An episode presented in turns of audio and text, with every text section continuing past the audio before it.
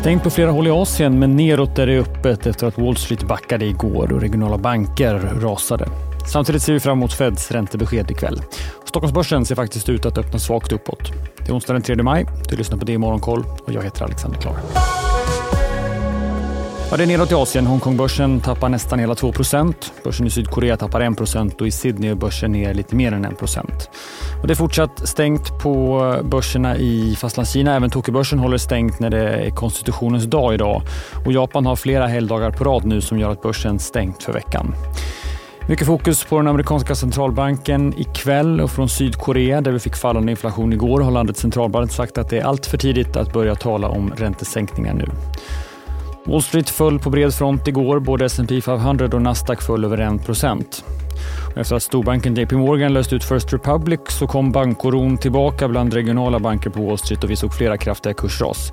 Bland annat föll PacWest 28% Western Alliance backade 15% och Sion drygt 10% för att nämna några. Och på tal om ras så föll också aktivistinvesteraren Carl Icahns investeringsbolag Icahn Enterprise efter att blanka firman Hindenburg tagit en kort position i aktien. Och bland de rapporterade bolagen så slog kaffekedjan och konsumentnära Starbucks förväntningarna på kvartalet. Den tillskrevs återöppningen av Kina, men aktien backade på Wall Street. Det gjorde även halvledarföretaget AMD, även fast resultatet var bättre än väntat. Lägre än i fjol såklart och bolaget märker en vikande efterfrågan på datorer. Och fordonstillverkaren Ford slog även de förväntningarna både vad gäller försäljning och vinst och förbättrade också marginalerna. Bolaget upprepade också sina prognoser men även Ford-aktien handlades ner.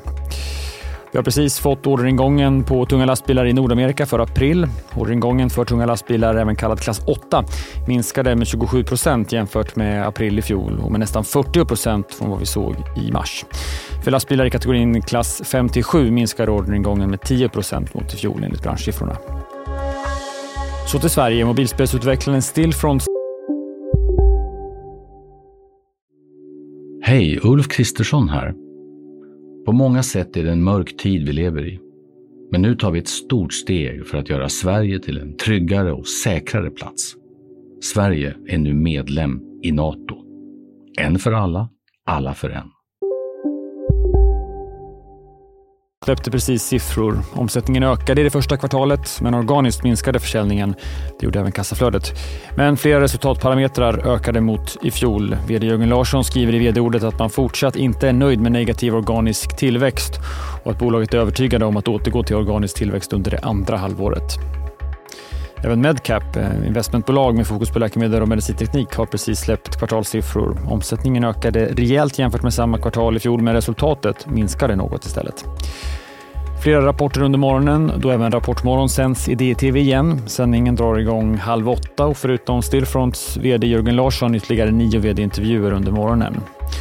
Och så får vi ytterligare en del data från europeiskt håll idag. Igår var det inflation, idag bland annat arbetslöshetsstatistik för unionen.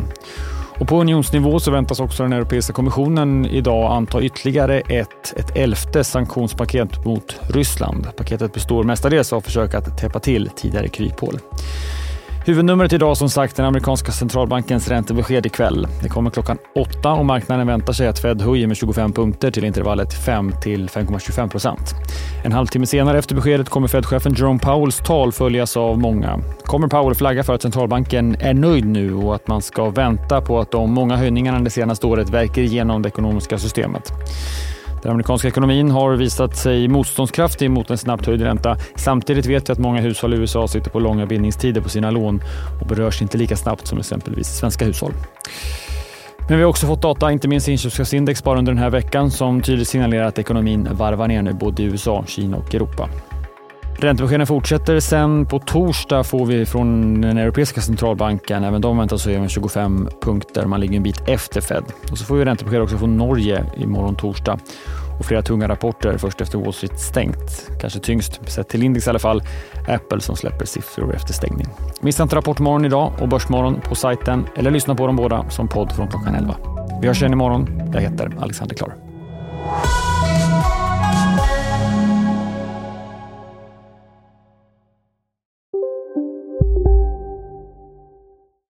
Vi är specialister på det vi gör, precis som du.